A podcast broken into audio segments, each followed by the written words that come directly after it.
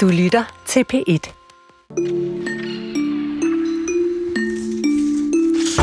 Kongehusets ceremonier og symboler indeholder en vigtig form for ja, symbolsk magt og kapital.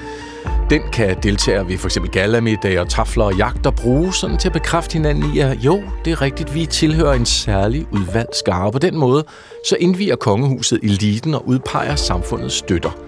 Det siger magteliteforsker Christoph Hormann Ellersgaard, og vi ser på kongehuset som magtinstitution i den her time. Vi skal også forbi den helt rå magt, altså voldens magt og kultur.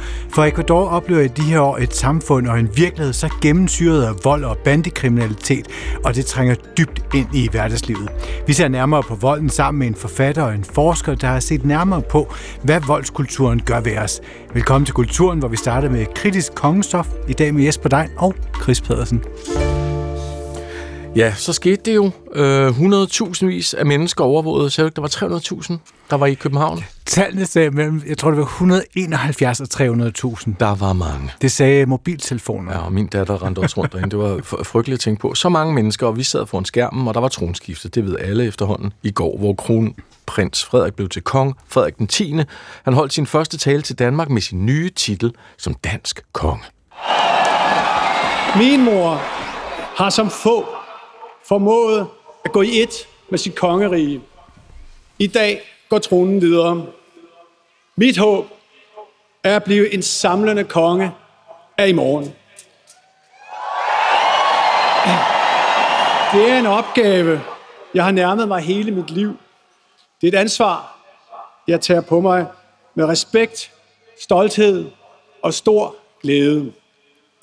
Det er en gerning, jeg vil gøre mig umage med, og bære gennem den tillid, jeg møder. Jeg får brug for al den støtte, jeg kan få fra min elskede hustru, fra min familie, fra jer og fra det, der er større end os. Sådan lød det fra balkongen på Christiansborg Slot, hvor mange tusinder mennesker altså var mødt op. Men hvad er det for en leder, vi får med kong Frederik som regent af Danmark? Det skal vi tale om nu, og derfor har vi inviteret dig ind i studiet. Mathias Dressler Bredstorff, kulturjournalist på Dagflade Information. Velkommen. Tak. Lad os starte med talen.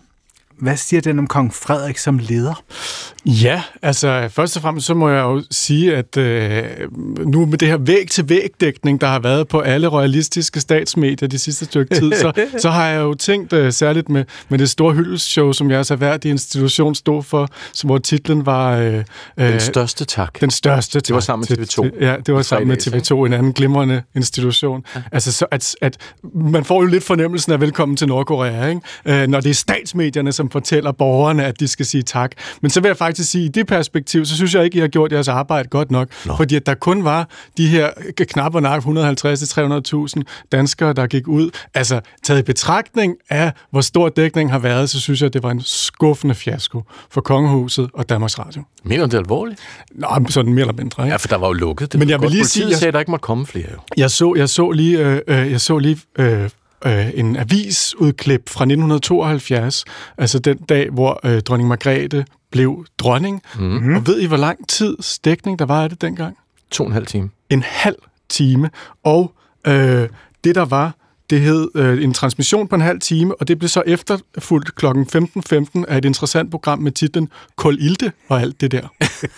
øh, så, det var en anden tid. Men altså, vi, er jo blevet, vi, vi har udviklet os, vi er vokset, vi er blevet bedre, ja. så, så, så jeg men, takker ja. selvfølgelig. Men Mathias, det var dækningen, ikke? Ja. og det er fint. Du må meget gerne slå. Det gør ikke noget. Øhm, vi er jo ikke ledere af den store institution. Vi er jo bare ansatte. Det er klart. Men hør lige, det der med talen, ikke? hvad siger den om kong Frederik som leder? Fordi lige om lidt skal du læse lidt højt for noget, du har skrevet et åbent brev til kong Frederik. Men hvad er sådan overordnet? Ja, men jeg tror, hvis det, han havde siddet i, i, i sådan en, på sådan en psykoanalytisk divan, så ville uh, psykoanalytikeren have sagt til ham, der da du sagde uh, med glæde, lød det ikke sådan voldsomt meget som lede? Mm. Øhm, ej, men spøg til side, jeg synes, det var en tale, som... Uh, det mest interessante ved talen for mig, det var det der med, da han sagde... Uh, han, han nævnte ikke Gud, men han nævnte det, der er større. Ja, det sagde han, det var øh, vildt underligt. Ja, og, og ja, det ved jeg ikke, altså, fordi det lægger sig jo også lidt op af, af hans øh, kongeord, øh, sloganet der, som var, øh, hvad var det? Det var Forbund. forpligtet, forbundne for kongeriget Danmark. Mm.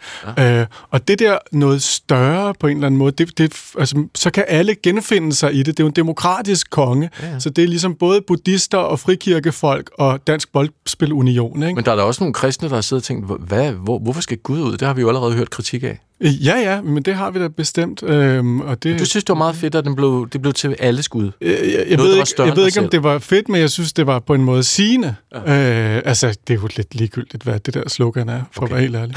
men hvad fortæller det så om, hvis, han, hvis man så kigger på ham som leder, der med at vil inkludere alle? Er det tidstypisk, synes du? Ja, øh, det, det er det jo. Altså, øh, øh, kongehuset udvikler sig jo med tiden, øh, bortset fra, så, så er der jo nogen, som siger, at vi skal have et øh, moderne kongehus. Altså man forestiller sig, at øh, sydstaterne havde siddet i 1860 og sagt, at vi skal have et moderne slaveri. Mm. Øh, altså, det er ligesom sådan en, en, en, en, selvfølgelig en modsætning, et oxymoron, det giver ikke nogen mening. Der findes ikke et moderne kongehus, fordi vi kan ikke have øh, en, øh, arvefølge til magten og nedarvede privilegier og samtidig have et moderne samfund. Det kan vi jo godt, fordi det har vi, men det er bare ikke moderne. Mathias Dressler, Brasdorf. Ja. Du har skrevet et åbent brev, har du, til kong Frederik. Det er udgivet i Dagbladet Information. Du har skrevet mere, du har skrevet her til formiddag noget helt andet. Men i forlængelse af det her, men altså nu fokuserer vi på brevet, Mathias. Det har overskriften Gud bevarer den nye mellemleder. Og her stiller du altså spørgsmålet om, om vi har fået en konge, der i virkeligheden er en slags mellemleder.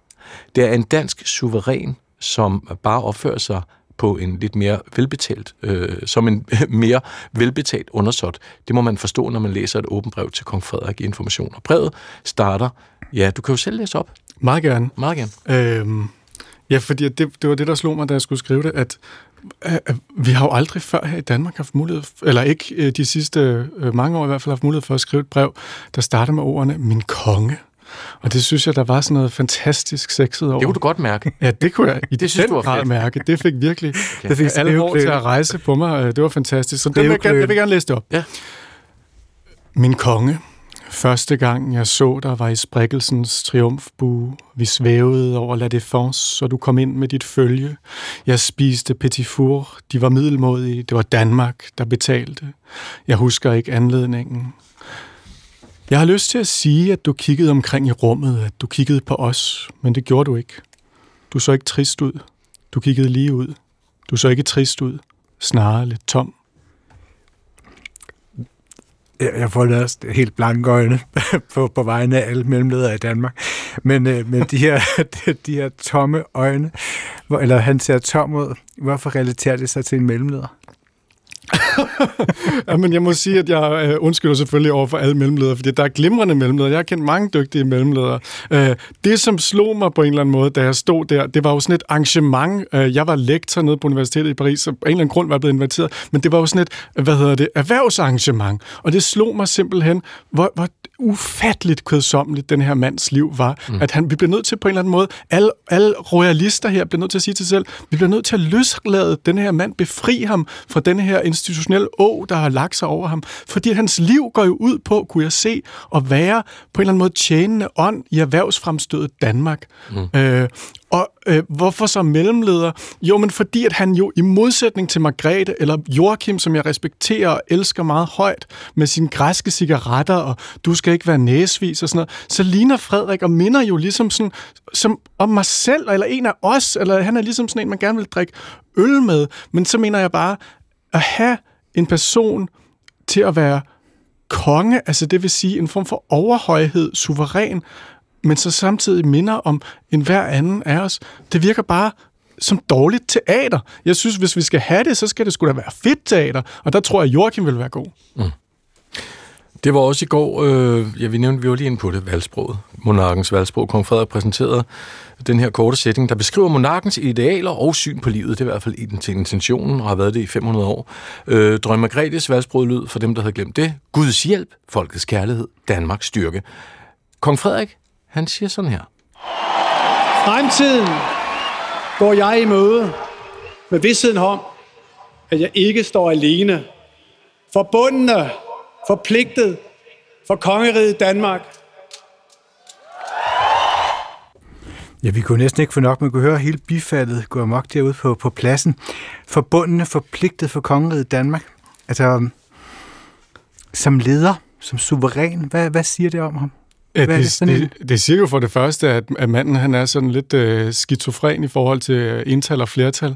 Øh, det der er jo flere, der har kommenteret på. Altså, forbundne, forpligtet. Øh, hvorfor skulle det ikke være forpligtet? Forpligtet. Nej, det er forpligtet. Det er forpligtet. Ja. Øhm, og, øh, og, og den måde, det kan man jo se på på flere måder. Ja. For det, man kan både se det på, at han, at vi er forbundne, men det er ham, der er forpligtet for kongeriget Danmark. Mm. Mm. Øh, men man kan jo også se det som, at han ligesom, øh, øh kan man sige, eksperimenterer lidt mellem græns, med grænserne mellem øh, det royale vi og det kongelige jeg. Øh, at det ligesom forskyder sig fra forbundne til forpligtet. Øh, men jeg synes egentlig sådan øh, grundlæggende, det der, det der, det der er et fint nok, øh, fint nok slogan, det der er bedre end det sidste. Mm. Du nævner, lad os komme tilbage til dit brev, Mathias, øh, også vores forhold til lige præcis det åndelige og guddommelige kongerige Danmark. Vi øh, nævnte lige før, at Gud er ikke med, men det, der er større end os. Lad os prøve lige at høre, hvad du skriver. Ja. Er du klar til os? Vort lands myter er så flade.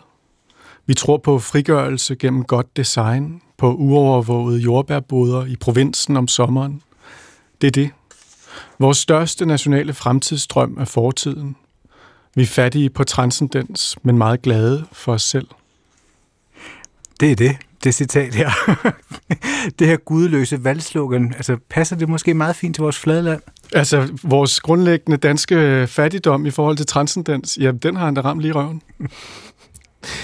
Måske det her øh, gudløse valgslogan meget fint. Øh, ja, lad os lige prøve at kigge lidt nærmere på, øh, hvad det er for en leder, vores nye konge er. Det har du og nemlig også skrevet noget om. Lad os høre det. Det er bid nummer tre. Nytårsaften fortalte jeg nogle udlændinge om Royal Run. Jeg fortalte om Lykra og de danske mellemlederes uforklarligt enorme kærlighed til cykling og motion, om provinsen og København, der blev afspærret, om TV2's royale helikopter og om dig. Og de spurgte, hvem er han? Er han også en mellemledertype? Og ja, sagde jeg. Han er det moderne monarkis sammensmeltning med mellemledernes republik. Han er inkarnationen af det nordeuropæiske 21. århundrede. Den danske suveræn, der blot opfører sig som en lidt mere velbetalt undersåt. Han er os selv. Royal Run, Lykra, Motion, Sport, en del af mellemlederens republik. Hvis uh, Dronning Margrethe, hun var historien om, om os som kultur, kulturnation, ja. hvad er Frederik så? Hvad siger han os om, om, om os som kulturnation? Ja, øhm, ja, så hvis dronning Margrethe på en eller anden måde var det, som alle elskede ved dronning Margrethe, det var, at hun var den her dronning for et land, der ikke rigtig var, øh, som havde sådan interesseret sig for, for, for, for de dybe ting i livet, og filosofi og, og kunst, man ikke rigtig kunne, øh, kunne tjene penge på. Og så kommer Frederik så med den her store interesse for, øh, for, for motion og så videre, og det er også, øh, det er også glimrende. Øh, men billedet på Frederik og på nationen, det er jo Frederik, der løber i sportstøj foran alle de her frivilligt underkastede undersåtter. Øh, og det er jo et vildt billede, som man ikke ser andre steder i Europa. Øh, jeg synes bare, det siger noget om, at, mm. hvad skal vi sige,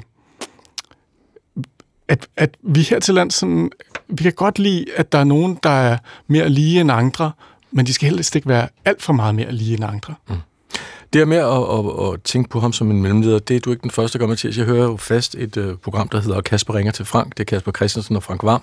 Det er på Podimo. Og der om, omtaler de om konsekvens som souschefen for Elgiganten. Altså den der type, der lige skal om at spørge en anden, der ved lidt mere, og som aldrig er helt for magten, det gør han så nu. Øhm, og noget andet, der sådan er mere jordisk, skulle jeg sige, øh, det er det her under kong Frederiks hvide handske i går, mens han stod der og vinkede, der kunne man skimte et armbånd. Mm. Det, det, det, det, der var perler, der hoppede. Et Shambhala-armbånd det dyrker vi mere i, øh, ned i næste time. Hvad siger det om vores konge, han går med den her slags armbånd, som er sådan meget det der spirituelle, noget med Himalaya, øh, et, et mystisk rige, og øh, at han går med det her så, øh, armbånd? Jamen, det, man kan sige, det, det der er jo interessant, det er, det er at, at hele hans fremtoning er jo sindssygt øh, koreograferet, og så er der ligesom lige det der lille, den der detalje, som på en eller anden måde får hele øh, glansbilledet, hele det her sådan, øh, den her kongelige metafor, fordi når man er konge, er man jo en metafor på sig selv. Det er jo det, der er underligt. Øh, der, en, øh, der var en gammel sådan, preussisk historiker, der hed Ernst Kantorowicz, nu håber jeg, jeg udtaler hans navn rigtigt, som havde den her teori om kongens to kroppe. Mm. Og det synes jeg, man kunne se øh, ved øh, tronoverdragelsens ceremonien der i øh, tronkammeret, eller hvad det hedder, statsrådet, hvor kongen, hvor dronningen undskyld, rejser sig op og giver plads, og så rykker alle ligesom øh, en plads frem i bussen, ja. og så sætter Frederik sig ned der, og så øh, dronning Margrethe ser virkelig ud som om, at det, det, det er jo en meget voldsom oplevelse for hende selvfølgelig, det her. Ja. Og hun siger så grådkval, øh, Gud bevare kongen. Og så kan man se, og det synes jeg er det mest fantastiske, og det er på en måde en, en, en, en, en forbindelse til det der armbånd, at så griner han sådan lidt fjoget. Han griner lidt fjoget, da hun siger, Gud bevarer kongen, som om der er noget, der går op for ham. Det er jo mig. Og det, ja, og det der går op for ham der, det er jo det mest fantastiske øjeblik på, i alt, hvad der skete i går. Fordi det, der går op for ham der, det er, Gud, de her mennesker er jo skingrende vanvittige. De tror, jeg er kongen. Vi lader den stå der, Mathias. Man kan læse ja. meget mere af Mathias' ord i uh, Information. Dagbladet Information. Mathias Dressler Brasdorf, uh, kulturjournalist på Information. Tak fordi du kom, Mathias. Tak fordi du kom. Vi fortsætter i sporet, Chris. Det gør vi. Fordi midt i al den her kongerøgelse er der stemmer, der visker. Men det der kongehus, det har alligevel ingen magt. Hvorfor går I sådan op i det?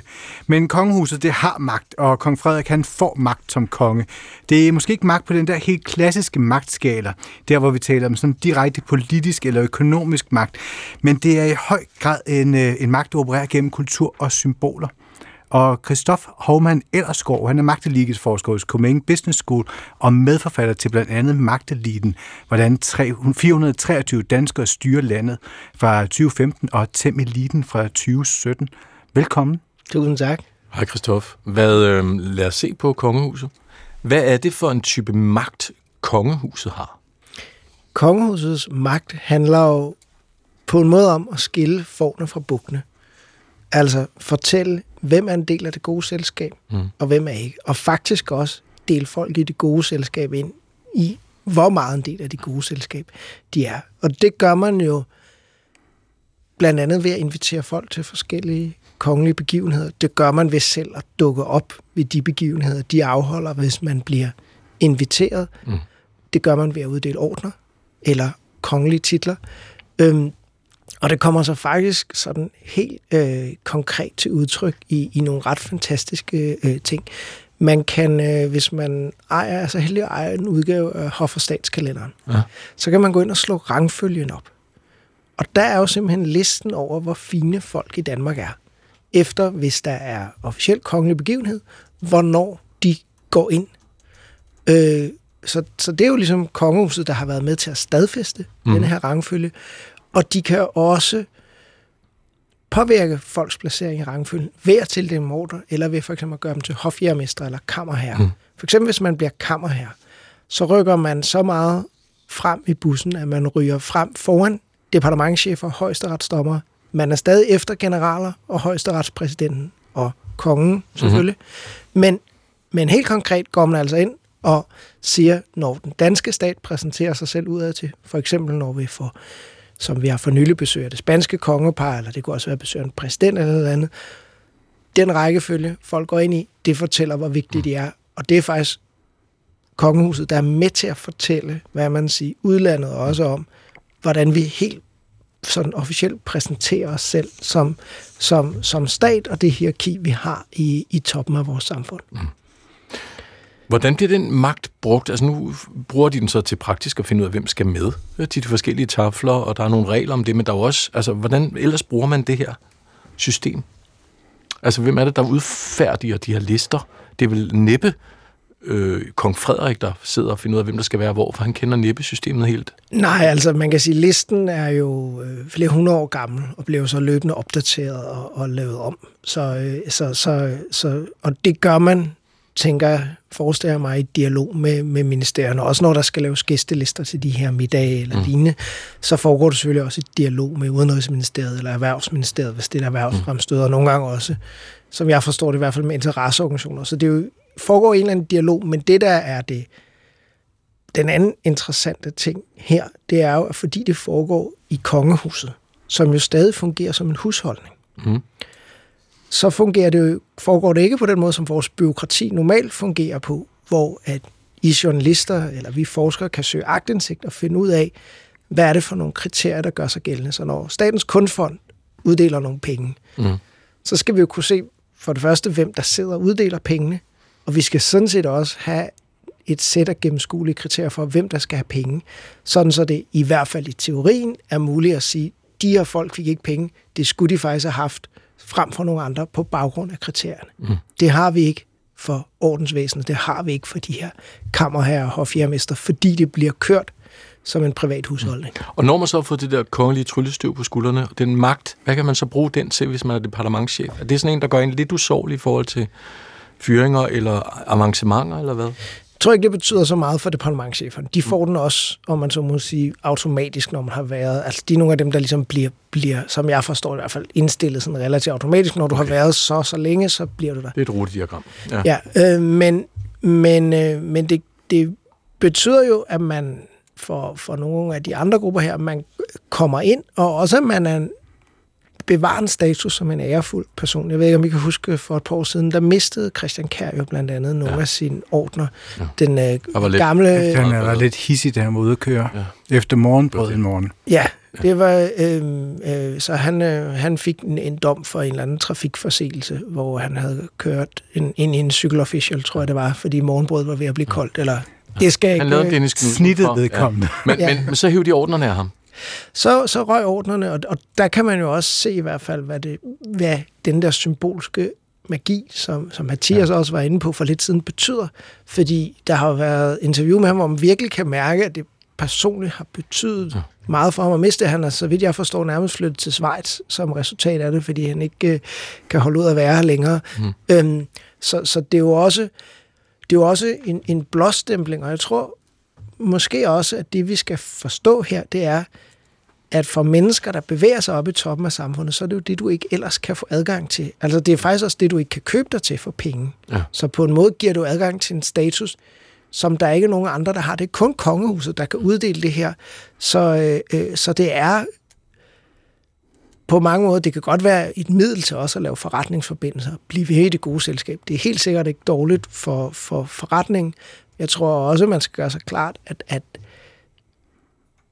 at det er noget af det samme, som i lille skala i går fik øh, mange 10.000, hvis ikke 100.000 danskere til at stå og fryse fødderne. Ja. Det samme virker bare endnu mere for de her elitefolk. Det er, den, det er jo ikke præcis den samme magi, men det er men det er på mange måder det samme, at det er noget, man gerne vil være en del af, og det at kongehuset skinner, det er noget, som ingen andre kan levere. Nu så vi jo her i går, der var sådan en lille bitte kur efter, efter kroningen, og det var blandt andet Mette Frederiksen, Søren Gade, øh, Barbara Bertelsen, og så øh, dronning Marys øh, storsøster Jane Stevens, der var med til den her. Når det er de lidt store, større ting, altså hvem er det, der er på de her gæstelister? Det er jo meget stor udstrækning dem, jeg plejer at studere, som vi kalder magteliten. Så det er øh, typisk... Øh, Altså, for det første er det hoffet, så det vil sige, at de her kammer her, for eksempel. Det er nogle af landets, lederne af nogle af landets største virksomheder, så er det den gamle højadel, kan vi kalde det.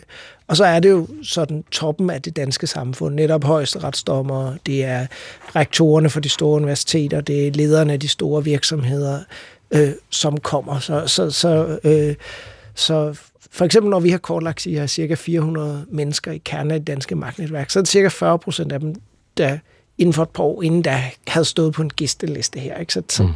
så, så det er... Øh, det er i meget høj grad. Altså, hvis du har en magtfuld position i det danske samfund, så er det meget sandsynligt, at du fra tid til anden kommer til bal. Mm. Og nu talte vi om de her ordner, Christoph. Øhm, der er en sammen, man kommer til at tænke på, lige når man siger noget med en orden, øh, det er næsten uanset øh, hvem man spørger, så er det admiralens vise. Lad os lige prøve at høre, bare for at genopfriske for dem, der havde glemt den, første eller sidste vers om moralen i alt det her. I landsmænd her, som gerne vil nå op på vores samfund stiges allerhøjeste top. Flyd med og hold jer i en vær forstand til stadighed og altid fra det dybe vand. Til stadighed og altid fra det dybe vand. Stå aldrig til søs. Lad de andre stå I får stribevis af korser, hvor der stjerner på. Stå aldrig til søs, lad de andre stå. Jørgen Renberg, admiralen med det gode råd. Renberg sang den i 1955. Den originale sang er fra... Øh, ja, nej, det er noget endnu 78. Når Ordner hænger man på idioter, øh, er en selskabssang, en protestsang. Den er fra 1790. Øh, lad mig lige recitere andet vers. Du kan den sikkert udenad, Christoph. Øh, ordner hænger man på idioter, stjerner og bånd, man kun adelen giver, men om de mallinger, suger og roter, nogle af tidens store tænkere er det så. Men ej et ord i avisen ser, dog har man hjerne, kan man jo gerne undvære orden og stjerne. Ja, og sangen bliver skrevet i sammenhæng med, at øh, der bliver mere og mere lukket kreds omkring personer, der omgiver kronprins Frederik, altså senere Frederik den 6. Kunne den sang være skrevet i dag, eller det her vers være skrevet i dag, Christoph? Det kunne det jo næsten. Øh, forstået på den måde, at det jo stadig er en, en meget gammel version af eliten, eller forestilling om, hvem der er samfundet støtter, som, som får de her ordner, som vi lige talte om, var det de her man kan sige, magtelige folk. Det er måske meget den, den konserverende kraft i samfundet, der får de her ordner. Så det er jo ikke, det er jo ikke de, de, de unge, som prøver at, at forandre noget, eller som, som måske kommer til at tegne os i fremtiden, hvad enten de er klimaaktivister, eller influencer, mm. eller et eller andet, så er det jo, man kan sige, så bliver det sådan et billede af på mange måder det, det gamle samfund, og det kan vi jo også se på, at dem, der især får de her ordner, er jo så typisk faktisk arvingerne til de her erhvervsdynastier. Så det er ikke så meget de administrerende direktører eller dem, der har banket deres virksomhed op selv, som det er dem, der viderefører traditionen. Okay, så... Nu taler vi jo tit om, om monarkierne som værende sådan konserverende, eller sådan vores tråd tilbage i historien. Men nu kommer der så en ny konge. Kommer der til, altså kommer der til at være en udskiftning i magteliten? Følger den magteliten også den nye generation? det er meget få, der kommer ind i magtelinjen alene af deres relation til kongehuset. Så, så på den måde kan han måske mere være med til at... Det kan godt være, at han kan trække nogle lidt...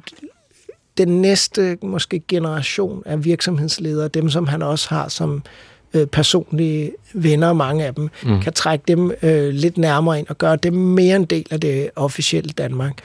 Men som meget af vores forskning viser, så nogle gange bliver personerne skiftet ud, men det er i meget høj grad organisationerne. Mm og de institutioner, de repræsenterer, der forbliver de samme i de her netværk øh, fra år til år. Nu kan jeg huske fra din liste, Kristoffer, der er meget, meget få sådan kulturelle penge med. Det er øh, på, på, jer, på jeres lister over kultureliten, eller magteliten. Nu har vi jo så en, en, en, en konge, som jo har rigtig mange gode venner i kulturlivet. Altså musikere og malere og sådan noget. Kommer det til at ændre sig, tror du, det der øh, kulturrepræsentationen i magten? Det tror jeg ikke så meget om. Det er jo selvfølgelig en anden type kultur, end, øh, end hans mor øh, øh, dyrkede, men, men selv, man kan sige, faktisk den kult, rigtige kulturperson, der var tættest på at komme ind i, i 2012 for eksempel, det var Bjørn Nørgaard, som jo lige havde lavet ja. gobelænger til dronningen, og var, var meget tæt på, på, på øh, hendes majestæt.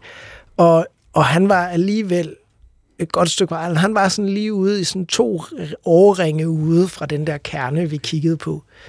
Så, så, så, så jeg tror ikke, at man vil komme helt ind, men det vil nok betyde, at, at de kulturfolk, nogle af de kulturfolk, der vil komme med, når vi repræsenterer Danmark udad til, vil, vil være øh, fra en anden generation, og måske også interessant nok, man kan sige, der ligger øh, vores øh, nye konge jo i forlængelse af, hvad eliter generelt har gjort, og meget mere have en mere, man kunne kalde det, ordinær smag. Altså, mm-hmm. at, at man også laver fritidsaktiviteter. Vi har lige hørt om, om løb, vi har ja. hørt om rockmusik og så videre, som befolkningen også gør. Men det er i virkeligheden, man kan sige, det svarer jo også til eliter i hans generation, og det samme ser vi for eksempel også med eliter i Storbritannien, at man typisk faktisk kombinerer det finkulturelle med også lige at, at nævne, at man gør noget helt almindeligt, som at holde med Tottenham Hotspurs Football Club, ja. eller sådan noget. Det omtaler de i deres øh, øh, who's who, øh, de her britiske eliter, sådan nogle ting. Så, så på den måde, så, så kommer han måske til at følge med elitetiden og, og bringe noget af det her ordinære lidt til dig. Tak skal du have. Jeg er i hvert fald blevet inspireret til at sætte mig ned og kigge den der gæsteliste ja, meget hårdt igennem oh. næste gang, der er et kongeligt tafel. Ja. Christoph Hovmann Ellersgaard, magteliteforsker hos Copenhagen Business School. Mange tak for besøget. Tak fordi jeg måtte komme. I Tyskland der raser en strid om især et kunstværk i et maleri af Pablo Picasso, der hedder Madame Soler. Det er en langvarig indet strid, som den tyske kulturminister er gået ind i, og som strækker, trækker tråd tilbage til nazisternes magtovertagelse i 1933. Og det er en principiel sag, for den handler om jødiske efterkommeres ret til at få nogle de 600.000 kunstværker tilbage, som altså forsvandt i Hitlers tid. Folgendes har ich namens des deutschen Volkes und der deutschen Regierung zu erklären. Deutschland hat abgerüstet. Es hat alle in dem Frieden... Det er Hitler, og han taler i 1933 i den tyske rigsdag om krise, om oprustning, og det er netop i år 1933, vi begynder historien om det her Picasso-maleri. Erik Jensen, han er journalist og international kulturkorrespondent på politikken, og han har fulgt den her sag om Picasso-maleriet tæt. Vi ringede til ham tidligere i dag, der fortæller Erik historien. Vi begynder altså foråret 1933, hvor den velhævende jødiske finansmand Paul van Mendelssohn Bartholdi er nervøs for sin kunstsamling meget forståelig, da han begynder at mærke de jødefjendske og nationalsocialistiske vibrationer i Tyskland. Og så, så sker der det, at uh, Paul van Mendelssohn Bartholdi han uh, får, bestemmer sig for at få nogle af sine malerier i den her meget store private kunstsamling, han har, som er ganske utrolig. Uh, for eksempel har han nu altså fem værker af ingen ringer end Pablo Picasso, og dem dem vil han gerne have ud af Tyskland, så de bliver sendt til Schweiz.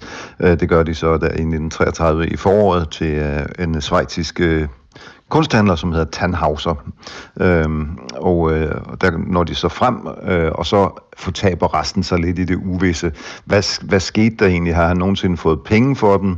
Solgte han dem egentlig? Og var det fordi, han følte et pres fra Hitlers tropper, som marcherede i gaderne udenfor, og som jo allerede havde proklameret, at øh, jøder, det var ikke noget, de brød så meget om, og Paul von Mendelssohn Bartholdy, den her store finansmand, var jo altså jøde. Så han, øh, han, øh, hvad, hvad der egentlig helt præcis skete med de her malerier, og hvor frivilligt det var, og hvor ufrivilligt det var, at de blev øh, losset ud af landet til Schweiz, det ved vi ikke. Men vi ved, at Paul von Mendelssohn Bartholdi aldrig nogensinde havde solgt et eneste maleri for sin samling før 1933. Til gengæld solgte han 15 af dem i årene fra 33 til 35. Så noget tyder på, at han var nervøs for et eller andet i hvert fald. Det billede, vi taler om, Erik, det er jo det her Madame Soler, Øh, prøv lige at beskrive det en gang, fordi for os andre som læ- folk ser det sådan lidt, det er sådan lidt fersk ud, lidt kedeligt ud. Hvad, hvad siger du? Jeg er enig, det er jo ikke øh, Picassos hovedværk, det kan vi nok godt blive enige om, men det er altså en Picasso, og der er jo også øh, trods alt et eller andet intenst øh, i blikket for den her Madame Soler. Hun var gift med en af Picassos malere, en, en skrædder, som altså selvfølgelig hed Soler, herr Soler, øhm, og han, eller Monsieur Soler, som det vel er her i Frankrig, øhm, og det er den her Picassos blå periode, ud, og der er jo også noget blåt over hele det her øh, lille portræt, øh, hvor hun sådan kigger lidt intens, nærmest lidt bebrejdende på dem, der måtte stoppe op og, og kigge på det her maleri. Det er der så ingen, der kan nu, for det er maleri i München, hvor det hang, der er det nu sat på lager, og det er det, fordi den her sag er blevet så kæmpestor øh, en betændt balladesag i Tyskland. Ja, og Paul han døde jo som sagt her i, 19, eller i maj 1935. Altså, hvad ved vi omkring, øh, altså, hvad, hvad, hvad enken hun, hvad, hvad, hvad arvede hun, og hvad ved hun om, om sagerne? Ja, hun arvede jo øh, hele den her private, store, store kunstsamling, øh, og igen så øh, fortaber det sig, øh, der, der var jo ellers orden i sagerne, i regnskaberne hos den her familie Mendelssohn Bartholdi, men, men lige præcis øh, de her Picasso-malerier, og hvad meget man eventuelt har fået for dem, om de overhovedet blev solgt, eller egentlig bare stjålet på en måde af Tannhauser, øh, den her svejtiske kunsthandler, det, det ved vi faktisk ikke, fordi der er ikke nogen optegnelse over det her nogen steder. Vi ved kun, at øh, den her Tannhauser tog det med øh, til New York, hvor han havde øh, en domicil, og der hang Madame Soler, altså i hans private domicil, sådan øh, at enhver, der kom på besøg, kunne se det. Det gjorde det indtil 1964, hvor delstaten Bayern købte til sin øh, offentlige kunstsamling for 1,6 millioner vesttyske mark. Hvor meget det er i vordags valuta, det skal jeg ikke komme klog på, men det, det gjorde de altså via en mellemhandler i Luxembourg. Så er der jo så fire andre Picasso-malerier. De er blevet afleveret tilbage til arvingerne, og de var ejet af Museum of Modern Art og Guggenheim i New York. Men det her øh, sidste værk, det var så købt øh, af delstaten Bayer øh, til det statslige samling, og det er så hængt på museet øh, Pinakotek, der er moderne i München. Hvorfor er det, at Bayern ikke ville være tilbage? Ja, det er fordi uh, Bayern siger, øh, at man ikke mener, at der kan være tale om uh, nazi-røvet kunst, som det hedder i Tyskland. Altså kunst, som uh, nazisterne fjernede fra jødiske hjem, uh, sådan som de jo gjorde med, mener man, op imod 600.000 kunstværker i de år, hvor de var ved magten. Um, det mener Bayern altså ikke, at der er tale om, at det findes der ingen beviser for, og derfor uh, vil man ikke aflevere billedet tilbage. Og det, uh, det er derfor, det er blevet til så stor en strid, og egentlig har været det en del år efterhånden. Men sidste år, der førte den her konflikt jo altså til, at museet pillede maleriet ned, som du også lige sagde, Erik, og stillede det på et lager, hvor det så åbenbart skal blive. Hvordan kan Bayern nægte at aflevere det, når der er de her Washington-principper, som er vedtaget dengang i 98, 1998, principper, der pålægger 44 lande, der skrev under på dem, at medvirke til at, som det hedder, opspore og tilbagelevere kunst, stjålet og solgt af nazisterne, og Tyskland var jo et af de lande. Hvad, hvad, hvad er deres øh, argumenter? Jamen altså, da, da, da øh, Tyskland skrev jo under på det her, det var de selvfølgelig det første land, der, om man så må sige, var virkelig nødt til. Øh, og det, det gjorde man øh, i den bedste vilje, må man gå ud fra. Og så i 2003 så ned, nedsatte man en kommission, der skulle holde øje med det her og sørge for, at det gik rigtigt for sig. Limbach-kommissionen hed den, opkaldt efter en tysk højesteretsdommer. Øh, problemet bare var med den her kommission, at man lavede en lille fødselsfejl, kan man sige, fordi man øh, fik vedtaget, at den her kommission kun kan gribe ind i en sag, hvis begge parter er enige om, at den skal gøre det. Og så er den i øvrigt også en ren rådgivende og ikke juridisk øh, kommission, så den kan altså ikke dømme nogen til at gøre noget, og den kan slet ikke i det her tilfælde gå ind og sige til Mendelssohn Bartoldis arvinger, I har ret, I har en god sag, det skal være undersøgt. Det kan de ikke, fordi Bayern siger, at det skal ikke undersøges, og så er man altså lige vidt. Og det er derfor, at nu er den øh, tyske kulturminister Claudia Roth gået ind i sagen, og vil altså have, at øh, Bayern skal bøje sig, og hun forsøger virkelig, må man sige, at lægge et voldsomt moralsk pres på Bayern øh, i Tyskland ved ligesom at sige, hallo, det her går simpelthen ikke, det er jødisk kunst, det er nazisterne, vi taler om, hele vores øh, skumle, dunkle fortid, så I må simpelthen gå med til, at, at det her skal undersøges til bund, så vi kan få at vide, hvad der er op og ned på den her sag, og at arvingerne temmelig sikkert skal have deres, øh, deres maleri tilbage. Kulturministeren Claudia Roth, hun har jo så blandet sig, men altså, hvor mange værker er det lykkes at, at føre tilbage til arvinger? Ja, det er jo så det øh, meget, meget pinligt for, for Limbach-kommissionen, og vel sådan set også for Tyskland som sådan, hvis man tager historien i betragtning, fordi i de år, hvor den her Limbach-kommission har eksisteret 20 år siden 2003, er det kun lykkedes at få 23 værker ført tilbage til, til arvinger af jødiske kunstsamlere, eller i hvert fald kunstindehaver. Og det er jo ikke særlig imponerende, når jeg nu lige sagde for et øjeblik siden, at man, man mener, at der faktisk i alt blev fjernet 600.000 malerier og andre kunstværker fra, øh, fra hjem og museer og så videre øh, jødiske ejere i den her i naziperioden i Tyskland. Så det er jo alt andet end imponerende, faktisk mener Claudia Roth, den før nævnte kulturminister for partiet De Grønne, at det er meget pinligt for Tyskland det her, og nu, nu skal der altså til at ske noget med det her. Nu, nu skal de her sager føres igennem, og, og at museer for eksempel, øh, det her er jo ovenikøbet et offentligt museum, ikke engang et privat ejet, altså at man ikke vil aflevere kunstværker tilbage, det synes hun er simpelthen er, er en skændsel. Men et af, at hun synes, det er en skændsel, det kræver vel også, at de så laver loven om, at de simpelthen ordlyden skal laves om, når de nu har fanget sig selv på den her formulering om, at alle skal være enige. Det er nemlig lige præcis det, der er, er det, det hårde ved den her sag, fordi øh, øh, det, det er jo sådan i Tyskland, at man har to kammer, øh, nemlig Bundestag, altså forbundsdagen i Berlin, og så har man forbundsret, altså forbundsrådet, og i forbundsrådet, som skal godkende de lov, som bliver vedtaget i parlamentet, der, der sidder alle delstaterne, der er de 16 tyske delstater, alle sammen repræsentanter, og de skal være enige for, at en lov kan gå igennem, og det siger jo næsten sig selv, at Bayern, den store, vigtige delstat i det sydlige Tyskland, i det her tilfælde er, øh, siger at rungende nej.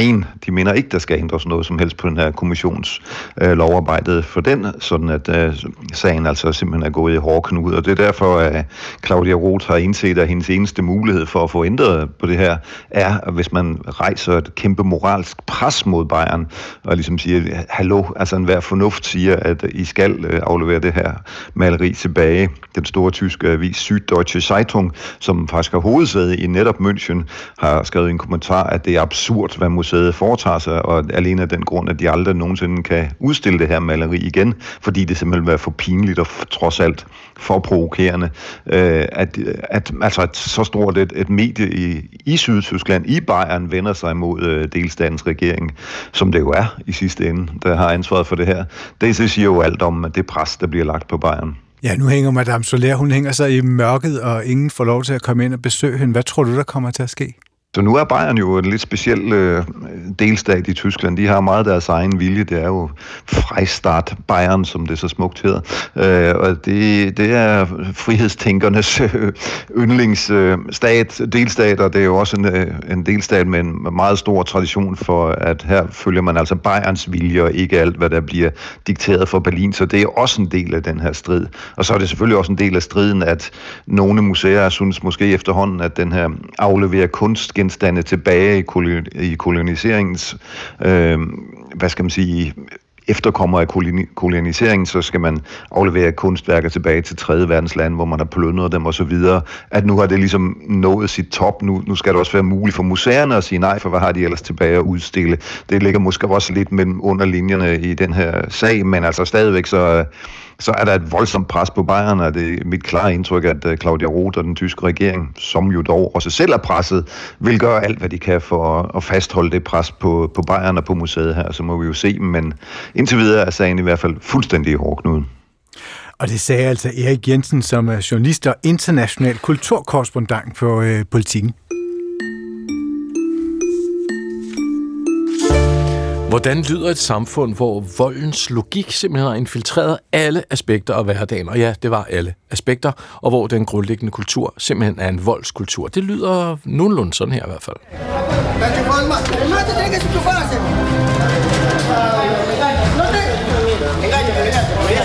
Ja, ahí, sí, ala, sí, ala, se escucha.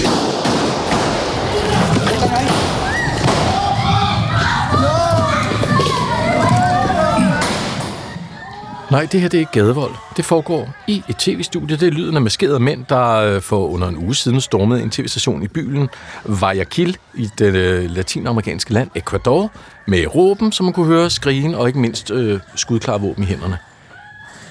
De maskerede mænd, de stormede et studie under en direkte udsendelse, simpelthen fordi landets præsident kort tid inden havde betegnet en række kriminelle, kriminelle bander for terrororganisationer. De hætteklædte og bevæbnede mænd, de talte direkte til kameraet og til indbyggerne i landet. De kunne se med hjem i stuerne, hvor efter de tog personalet på tv-stationen som gisler. Begivenheden den viser på mange måder, hvor hårdt ramt Ecuador har det, det sidste stykke tid har været af en bølge af vold fra kriminelle bander. Men hvad gør vold egentlig ved et samfund? Hvordan fungerer voldskultur, og hvordan kan vold påvirke vores liv helt ned i det nære, helt ned i vores væremåde og kultur? Det skal vi blive klogere på nu vores gæster. Vi har to gæster i studiet. Den ene står over for mig, hedder Magnus Boding Hansen. Hej Magnus. Hej. Boding med hårdt Boding med hårdt D. Boding Hansen. Journalist ved Jyllandsposten og tidligere korrespondent i Latinamerika og forfatter til bogen Djævlen sover aldrig. Mysteriet om, om Latinamerikas mange mor. Ved siden af dig, Magnus, Boding, der står Steffen Jensen, den er lidt nemmere med at gøre, seniorforsker ved Dignity, Dansk Institut mod Tortur og professor på Aalborg Universitet med interesse for voldens væsen og kultur gennem årtier. Så har vi jer på plads. Øhm, Magnus, lige inden vi dykker ned i, hvad vold og voldskultur gør ved os, eller ved et samfund, så fortæl os lige, hvad er det, der sker i Ecuador lige nu?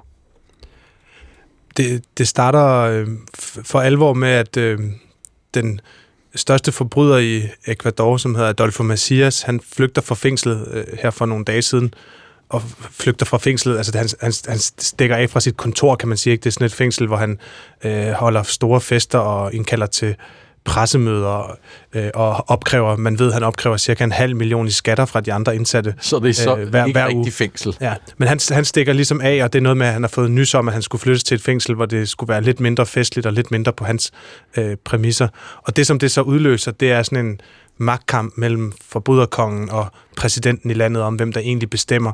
Øh, de får erklæret hinanden øh, krig gensidigt, øh, og, og man begynder at se, altså ikke bare sådan nogle kidnapper-typer, øh, som stormer ind på tv-stationer, men det samme også på øh, universiteter og hospitaler, og der er sådan en stor motorvej, hvor de løber rundt og skyder på hinanden. Så der udbryder sådan generaliseret kaos i, i, i Ecuador øh, på grund af den her magtkamp mellem forbryderkongen og præsidenten. Mm. Altså konfliktrate, hvor, hvor højt vil du vurdere det så er? Ecuador er jo sådan et af de af de sådan, tre-fire øh, farligste lande uden for krigszoner inden det her. Altså dengang det bare var ham der, Messias, der slåsede med de andre øh, banditter om øh, at smule øh, øh, kokain. Øh, det, det er en stor havneby, det her det foregår i, hvor, hvor faktisk størstedelen af kokain, kokain til Europa sejles afsted øh, fra. Det, det, det var der ligesom nok konflikt i. Nu er der så en front mere, fordi de så også øh, kæmper banderne mod øh, regeringen, så, så det er jo et ret øh, udfordret land i, i de her dage, hvor man heller ikke må gå udenfor efter et bestemt øh, tidspunkt, øh, og, og, og hvor der er meget, altså mange øh, soldater i, i, i gaderne over det hele. Mm. I din bog, øh, Djævlen sover aldrig, mysteriet om Latinamerikas mange mor, der stiller du spørgsmålet, hvordan det kan være, at Latinamerika trods stigende velstand og lighed bliver mere og mere voldeligt. Lad os få det, øh, sådan bare en, en mærketærning. Hvad kan årsagen være, tænker du? Ja, fordi det er jo sådan et, et, et paradoks eller et mysterie, at, ja. at en verdensdel, som både er blevet rigere og mere lige, at, at, at volden der alligevel er steget. Og noget af det, som, som jeg kommer frem til i bogen, er, at det i høj grad også handler om kultur, øh, og at, øh, at volden, den, øh, når den når et vist punkt, så får den øh, sit eget øh, liv, så, så, så, så, så, så avler den øh, simpelthen øh, sig selv. Altså man bliver, øh, man bliver forrådet og forhærdet af at være i voldelige øh, samfund, og ens muligheder for at vælge andre veje bliver, bliver indskrænket, øh, og, og på den måde kan det, kan det netop blive selvforstærkende. Ja. Så det er bare et mønster, man bliver lullet ind i, simpelthen. Ja, altså Steffen, øh, nu, nu hører vi så her, hvordan sådan et samfund som Ecuador sådan på måske forholdsvis kort tid, at, at volden simpelthen har eskaleret, nærmest med en selvforstærkende. Hvad, hvad betegner et voldeligt samfund? Jeg tror, for det første, så er det jo Latinamerika, som vi også snakkede om før, det er et, et, helt særligt, et helt særligt sted, hvor volden præcis er begyndt at afle sig selv. Og det har jo, det har, det har jo bemærket andre steder også, hvor øh, i Sydafrika for eksempel, hvor der, hvor jeg har lavet mest øh, feltarbejde, hvor, hvor der, der, der skete noget på et tidspunkt, øh, øh, hvor volden simpelthen steg og kom op på et andet niveau. Og jeg tror, det giver mening nogle gange at snakke om, at, at vold er jo et problem i sig selv selvfølgelig, og det er især et vold et problem for dem, det rammer. Men i det øjeblik, at det begynder at, altså at der sker sådan noget voldsomme forandringer, øh, så, så, vil der, så vil der opstå næsten sådan en traumatisk traumatisk forestilling om, øh, i, i befolkningen, hvor man simpelthen ikke er sikker på noget som helst. Så en anden del af voldens væsen, væsen er så at sige dens uforudsigelighed. Det er der, hvor den for alvor begynder at blive et problem. Det er, når den ikke længere kan begynde at blive forudset. Når man ikke ved, hvad der sker, hvis jeg går ud på gaden, hvis jeg går et eller andet sted hen. Hvor, hvor, hvad, hvad sker der så? Rammer jeg så på et eller andet? Og der, det der sker i den der, så at sige, sådan næsten traumatiserede liminalfase, sådan en fase mellem hvordan det var før, og hvordan mm. det så er i dag. Øh, der sker der et eller andet, øh, som, simpelthen, som, som simpelthen gør, at, at volds øh, forberedt, øh, parathed, eller forberedelsen, så at sige, i befolkningen, den stiger voldsomt. Så i Sydafrika for eksempel, da det gik fra, at det var et relativt voldeligt land, til at blive et ekstremt voldeligt land i forbindelse med i slutningen af 90'erne, øh, så var der sådan en følelse af, at der var ingen, der var sikre nogen steder. Ingen kunne gå ud, ingen, man kunne ikke føle sig sikker nogen steder. Og det, der så skete bagefter, det var jo så, at volden, så at sige, næsten blev indlejret, blev øh, internaliseret på en eller anden måde, og de metoder, man havde til at forholde sig til den, de forandrede sig. Så der så begyndte murene at skyde op over i alle gader. Mm. Øh, der begyndte at komme private vagtværn alle mulige steder. Der var øh, alle mulige forskellige former for, hvad kan man sige, øh, forsøg på, så at sige, for, for at håndtere volden. Og statens respons steg også, eller ændrede sig også, og blev ekstremt meget mere konfrontatorisk og meget mere voldelig på mange mm. måder. Så det er jo sådan en, hvad kan man sige, at det, der, det der er sket i Sydafrika faktisk, det er sådan en stabilisering af volden på et højere niveau, hvor folk sidder, simpelthen, at den er simpelthen blevet indlejret i den måde, man, man, man, man gør ting på. Ja. Men må jeg lige spørge altså, konkret, hvordan giver det så til udtryk? Altså, du siger, volden eskalerer, du siger, volden eskalerer, at den bliver selvforstærkende. Men hvad betyder det konkret, når jeg går ud på gaden? Er det en samtale-diskussion? Er det, når jeg står i køen nede i supermarkedet? Hvornår er det, volden kommer til udtryk, og hvordan? Den kommer til udtryk hele tiden, kan man sige, fordi den kommer til udtryk i det øjeblik, at den kø, du står i, vil se ud på en særlig måde, hvis der er meget vold. Den måde, du kommer til forretningen, vil være på en bestemt måde. Du vil for eksempel ikke, i Sydafrika, så holdt de for eksempel op med at stoppe for rødt lys, fordi at man kunne ikke være sikker på, at man ikke blev hijacket. Altså det er simpelthen, det, man kan sige, at det, den, den, når, når volden når de der niveauer, og har den der forandring, så skal der simpelthen ske en lang række forskellige ting. Altså der er en, folk reagerer jo på de der ting. Og det er jo både almindelige mennesker, der reagerer, og det er også stater, der reagerer. Mm. Så staten bliver, stærk, bliver også stærkt voldsom, og bliver meget mere voldelig, end den havde været før. altså en, en helt konkret måde, som, som jeg har oplevet det på i Latinamerika, det er, at, at det her, man kender fra sig selv, når man som lille dreng første gang, for mig tror jeg, det var uden for en Føtex i Svendborg, ser en, en narkoman eller en hjemløs sidde, og man ligesom stopper, og hvad, hvad, hvad er det, eller det er, der, det er der forfærdeligt, og så vender man sig bare til det, så bliver det en del af gadebilledet, man går forbi. Øh, den, den samme immunitet, øh, følelsesmæssig immunitet, har folk mange steder i Latinamerika fortalt mig, at de har fået i forhold til at se en, der ligger skudt på gaden. Og det kan jo lyde altså, altså hjerteløst, men det er jo basically bare den samme øh, psykologiske mekanisme, man bliver forrådet, øh, og, og det rammer helt øh, almindelige mennesker, og det rammer også fordi, at, at, at, at volden i samfundet stiller os ind i nogle ubehagelige dilemmaer, hvor der ikke er en god løsning. Altså for eksempel en af hovedpersonerne i min, i min bog, øh, det er sådan en advokat i Mexico, øh, og han føler, at han står i et dilemma, hvor enten så slipper banditterne fri, eller så fanger han dem på en ret øh, øh, uortodox øh, måde. Det er sådan noget med, at der er nogen, der får ødelagt deres tænder, der bliver plantet nogle pistoler på folk, øh, og, og så går ligningen op, og han får folk dømt. Øh, og, og det aflager så bare endnu mere, øh, øh, endnu mere vold, og endnu mere mm.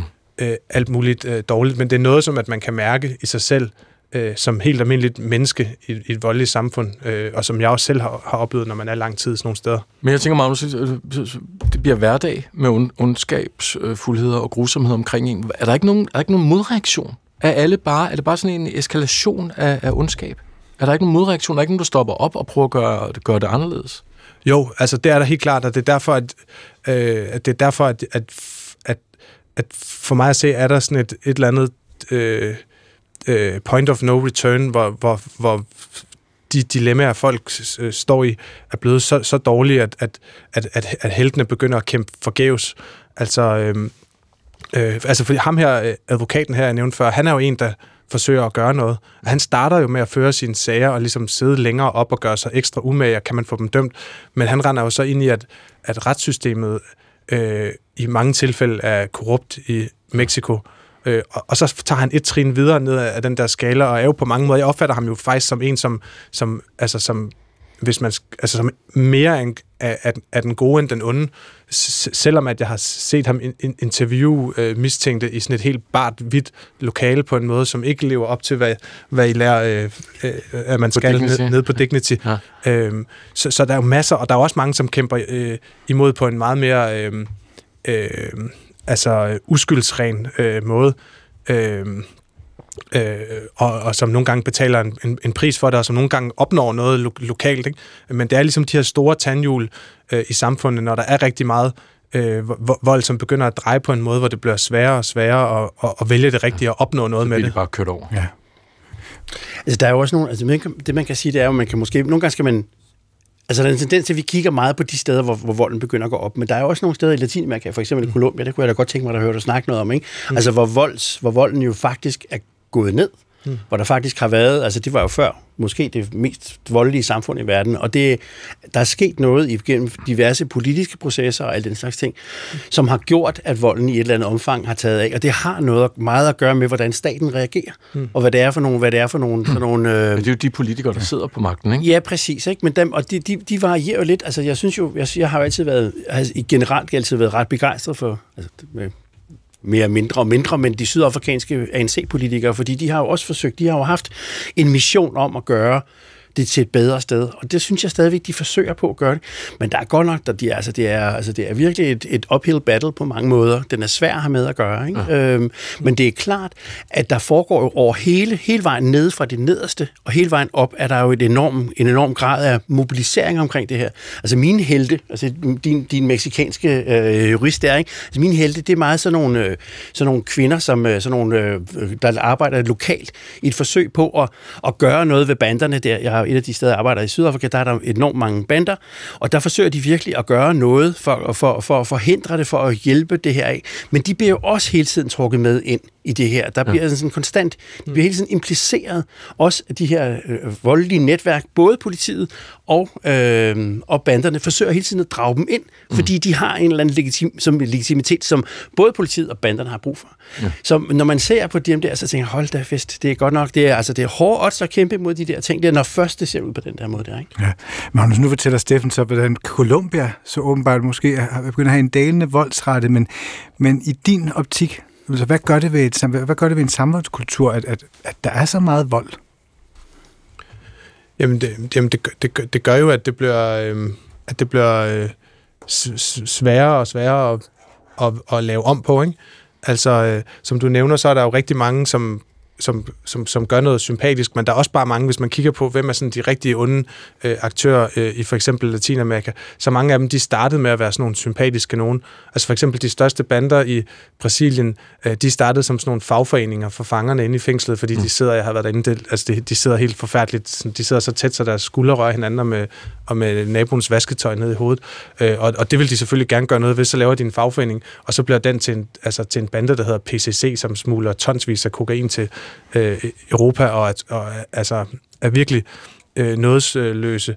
Øh, på samme måde også, øh, nu du nævner sådan de altså de, de stærke, modige, flinke kvinder, ikke? Mm. Øhm, og sådan nogle har jeg også mødt mange af i Latinamerika. Man bliver, sådan, man bliver, altså man bliver rørt sådan dybt af det, af det, øhm, af det mod og den menneskelighed, ikke? og så evnen til ligesom at blive ved med at, at, at prøve. Øh, øh, men der er også eksempler på, altså, at øh, nogle af de selvforsvarsmilitser i for eksempel et område som Michoacán i, i, i Mexico, øhm, øh, som, som starter netop med sådan nogle øh, altså f- øh, forældre, øh, familiefædre, som, som tager nogle våben for, øh, op, fordi at staten har svigtet for at prøve at holde folk ude af deres område.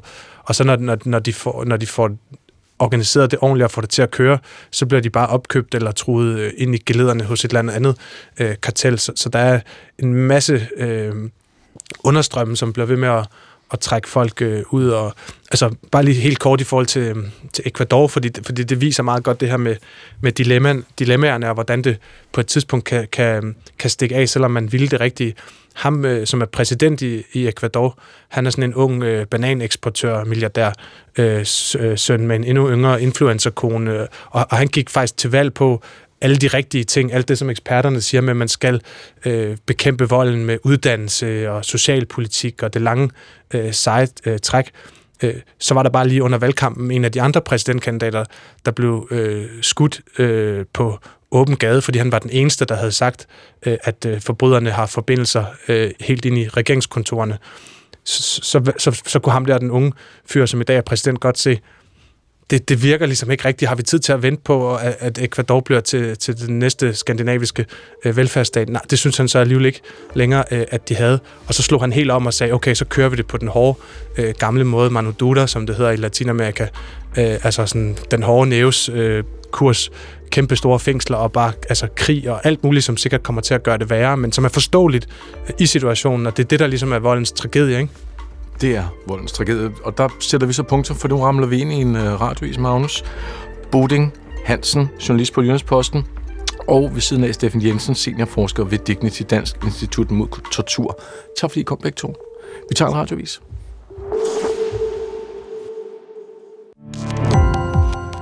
Gå på opdagelse i alle DR's podcast og radioprogrammer. I appen DR Lyd.